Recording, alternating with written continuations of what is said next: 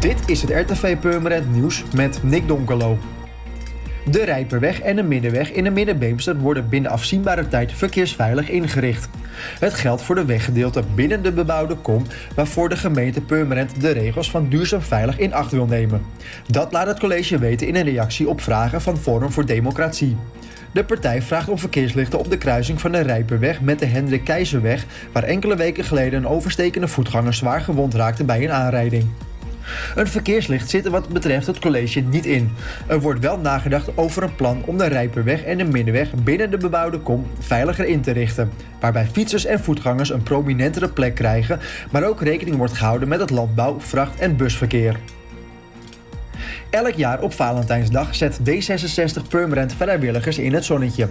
Dit jaar brachten ze een taart naar de vrijwilligers van de historische verenigingen in Purmerend en de Beemster. Zij zetten zich er belangeloos en met veel toewijding voor in om de geschiedenis van Purmerend en de Beemster levend te houden en de kennis hierdoor over te geven. Het Historisch Genootschap Beemster en de vereniging Historisch Purmerend zetten zich actief in voor het bevorderen van de kennis over de geschiedenis van de Beemster en Purmerend. Dankzij het werk van vele vrijwilligers zijn onder meer tentoonstellingen, wandelroutes, lezingen, lesmateriaal voor scholieren en musea die de rijke geschiedenis van onze directe omgeving tastbaar maken.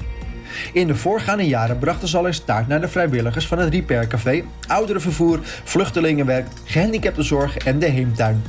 Voor meer nieuws, kijk of luister natuurlijk naar RTV Purmerend, volg je onze socials of ga je naar onze website, dat is www.rtvpurmerend.nl.